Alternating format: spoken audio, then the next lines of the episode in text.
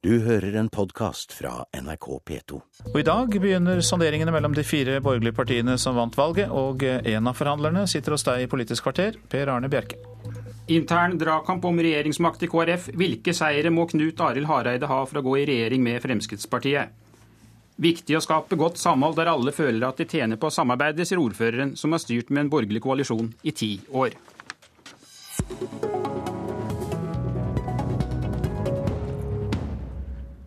Velkommen til Politisk kvarter, leder i Kristelig Folkeparti, Knut Arild Hareide. Tusen takk. Mange mener at det er du som sitter med nøkkelen for å få til en eh, firepartiregjering. Før valget sa du at det er lite sannsynlig at KrF vil gå i regjering med Fremskrittspartiet. Hvor sannsynlig er det i dag når sonderingene starter? Jeg tror jeg vil bruke de samme ordene som vi har brukt egentlig det siste året. Vi har sagt eh, fra vi gjorde vårt vedtak i september 2012, så sa vi at vi vil eh, sikre et nytt flertall. Vi vil sette oss ned sammen med alle partiene.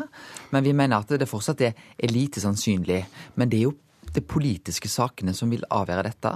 Og eh, de fire ikke-sosialistiske partiene har hatt en god dialog. Vi har snakket om mange ting vi har felles, men det er noen saker som òg skiller oss. og Derfor så ser jeg fram til de samtalene vi skal inn i nå, der vi òg skal gå gjennom de litt mer krevende og vanskelige sakene. Men Betyr det du sier nå at du egentlig går inn i disse sonderingene eller forhandlingene uten å ha noe særlig tro på at det fører til en plattform der alle fire er med når dere kommer ut av døra i midten av oktober? Jeg går inn i disse samtalene uten at jeg lukker noen dører. Jeg har et eh, åpent sinn. Eh, jeg ønsker å ha en god, åpen dialog. Det har vi hatt mellom eh, partiene over lang tid. Og jeg tenker å ta med seg det inn i de samtalene vi skal ha nå, er viktig.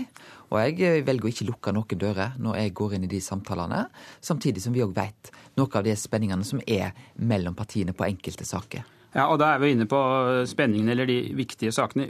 Hvilke saker må du ha gjennomslag for for å kunne gå inn i en regjering? Jeg tror det er sånn at alle partiene som eventuelt velger å bli med inn i regjering, trenger å ha tydelige eh, merker av at eh, deres parti er med. Eh, KrF har en veldig kjent profil. En vet eh, at på vår politikk på familie- og fattigdomsbekjempelse er viktige saker for oss. Så vet vi at landbruk og distriktspolitikk, det å ta hele Norge i bruk, er, er viktige saker for, for KrF. Eh, og jeg tror at, som du sier, vi har en nøkkelposisjon sammen med, med Venstre. Og jeg tror at det å, vi har gjennom dette valget fått en nøkkelposisjon for, for sentrum. Og den innflytelsen vil selvfølgelig vi bruke inn i de samtalene vi skal ha nå. Føler du deg trygg på at Venstre kommer til å stå sammen med dere helt til siste slutt, også hvis dere velger å ikke bli med i en regjering? Venstre er et eget parti og er nødt til å få lov til å ta sine egne strategiske valg. Men det er ikke tvil om at òg gjennom denne valgkampen og de siste årene, så har en sett at Venstre og KrF har opptrådt sammen på mange viktige saker på asylfeltet, ikke minst når det gjelder miljø. Men jeg respekterer at Venstre må få lov til nå å gjøre sine egne vurderinger. Men jeg kjenner meg trygg på at Venstre og KrF kommer til å stå sammen, hvis ikke noe helt spesielt oppstår. Du nevnte en del saker her. En annen sak er jo Lofoten, Vesterålen og Senja. Er det slik at Høyre og Frp må gå med på å verne dette området i fire år for at dere i det hele tatt skal gå inn i forhandlinger? Vi vet jo det at det er en sak der det norske folk er uenig i stortingsflertallet. Selv om Arbeiderpartiet, Fremskrittspartiet og Høyre der har flertall på Stortinget, så er det en sak som det norske folk er uenig i.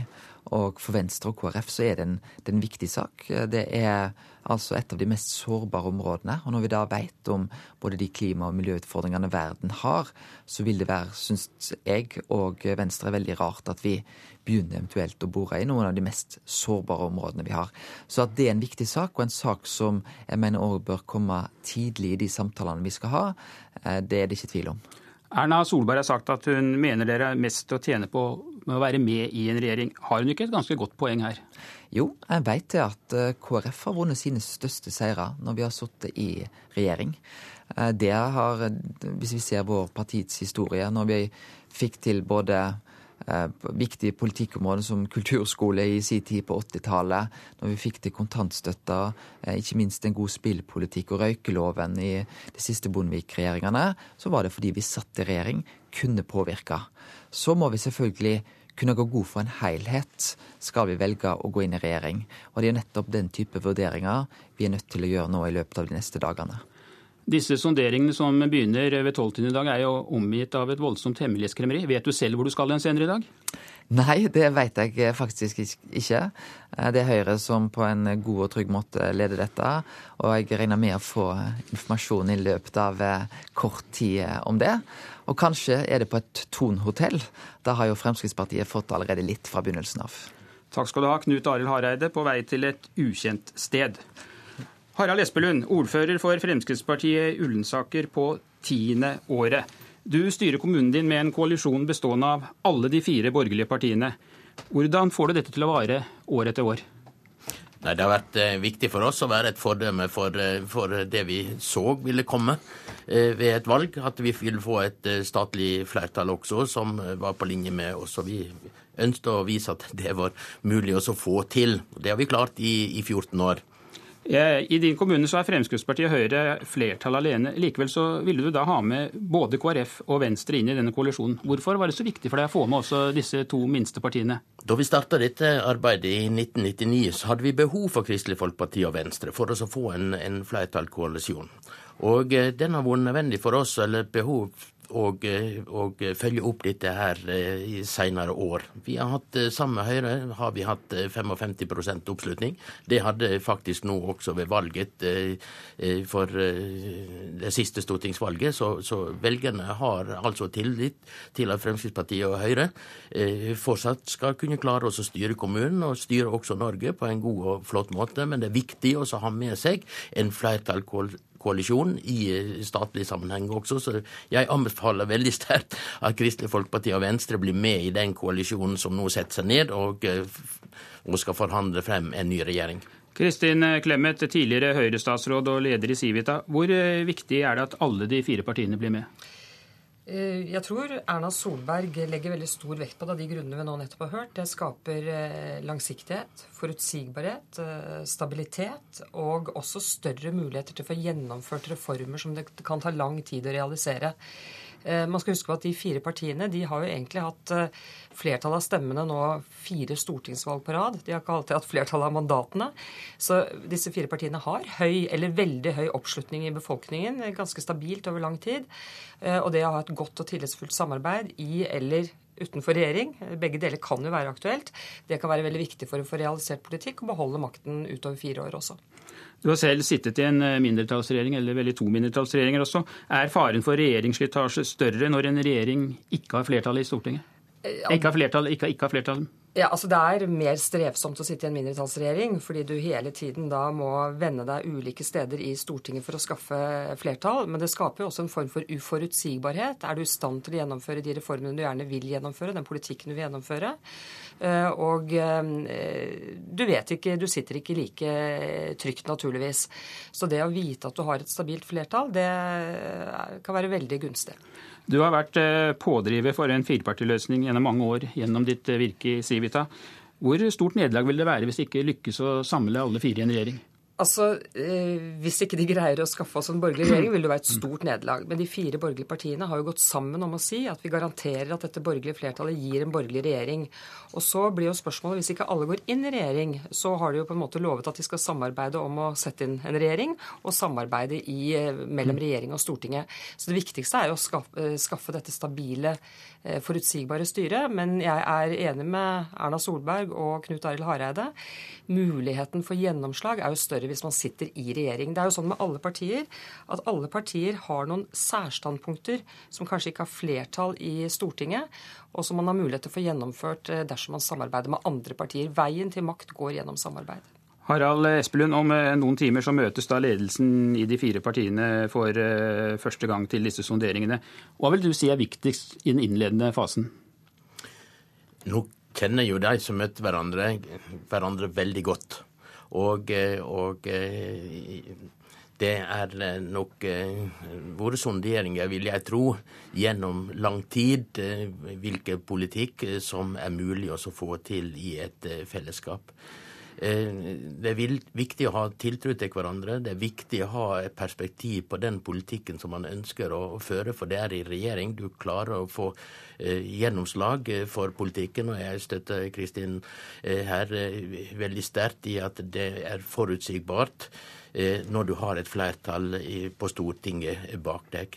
Kommuneproposisjonen som eksempelvis blir lagt frem på, på våren, den vet vi at vi kan forholde oss til som er aktører ute i den enkelte kommune. Og vi slipper også vente til budsjettet endelig blir vedtatt i desember, før vi vet hva vi har av penger å, å, å rutte med. Og sånn er det innenfor alle sektorer, vil jeg tro. Kristin Clemet, hva vil du si er det viktigste Erna Solberg eh, må gjøre nå i formiddag?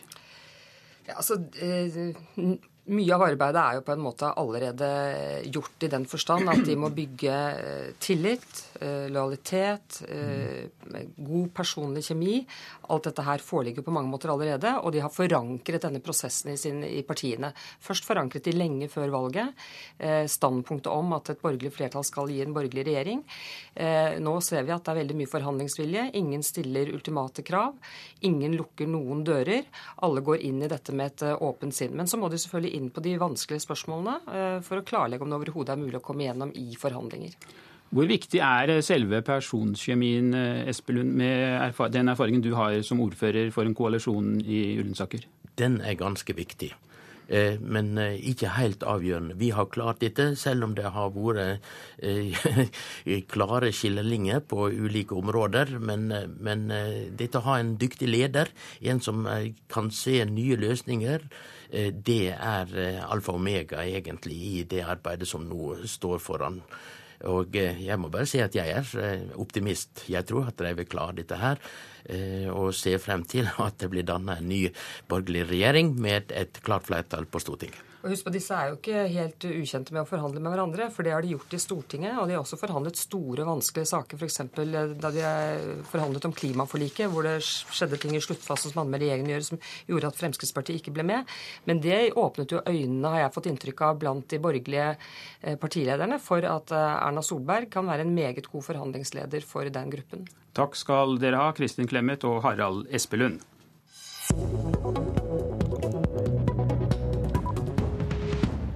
67 nye representanter forbereder seg nå på å flytte inn på Stortinget. Her finner vi både politiske veteraner og enkelte som er helt i begynnelsen av sin politiske karriere. Og den aller yngste, det er deg, Sivert Bjørnstad, 22 år gammel og innvalgt fra Fremskrittspartiet i Sør-Trøndelag. Hvordan har du tenkt å markere deg i forhold til eldre og langt mer erfarne kolleger på tinget? Jeg tror det handler om at uh, man må stå opp tidligst og legge seg senest og være på hele tida. Uh, og Det tror jeg kanskje kan være en fordel hvis man, uh, hvis man er ung, at man har kapasitet til å, til å, få til det. Hvordan opplevde du valgnatta, for du var jo ut og inn, og først ut på morgensiden tirsdag var det klart at mandatet ditt var berget? Det er klart at det det er nervøst å sitte sånn på ei valgvake og, og vippe inn og ut og, og, ikke vite helt hvordan det går, men det var desto deiligere å stå opp på tirsdagen og, og få vite at det gikk. Hvilke fordeler er det å være så ung som det du er, altså bare 22 år? Nei, Jeg tror jo at, det, at den erfaringa jeg har som uh, student og som ung person, kan være med og, og ha en betydning for, for, den politikken vi legger opp for unge. Uh, på lik linje med at, at, seniorer har en rolle å spille i seniorpolitikk. så jeg tror det er helt avgjørende at Stortinget er representert altså over hele linja. At det er både unge folk og seniorer. Eh, nå ser vi at det er en god del unge folk eh, på Stortinget, og nå neste gang så er det eh, seniorer vi må prøve å få tak i. Da jeg skulle søke deg opp i telefonkatalogen, så sto det Sivert Haugen Bjørnstad, politiker Trondheim. Hvor gammel var du da du fikk inn yrkesbetegnelsen politiker i telefonkatalogen? Det er, nok, det er nok et par år siden, men det, det, er først og fremst fordi at det er en annen Sivert Bjørnstad i landet her som var lei av å få politiske oppringninger. Du var bare 14 år da du meldte deg inn i Fremskrittspartiets Ungdom. Hva var det som gjorde at du ble så engasjert i politikk og samfunnsspørsmål? Jeg er fra en veldig samfunnsengasjert familie, eh, men så var det også skolepolitikken eh, som trigga meg den gangen. Eh, så jeg leste alle partiprogrammene i 9. klasse og fant ut hvem jeg var mest enig, enig med. Og da var jeg enig i stort sett alt av det som sto i FrPs partiprogram. Hva håper du å få utrettet på Stortinget? Jeg håper å få jobba med skolepolitikk og få gjort noe med, med f.eks. frafallet. At én eh, av tre dropper ut av videregående skole. At én eh, av fem går ut av skolen uten å kunne lese og skrive. Og at eh, gjennomsnittskarakteren i matematikk på videregående er 2,4. Vi står overfor store utfordringer i, i skolesystemet og skolevesenet, og det håper jeg å få, å få vært med på å bidra til å gjøre noe på. Takk skal du ha, Sivert Bjørnstad, nyvalgt stortingsrepresentant fra Sør-Trøndelag. Og det var Politisk kvarter med Per Arne Bjerke. Du har hørt en podkast fra NRK P2.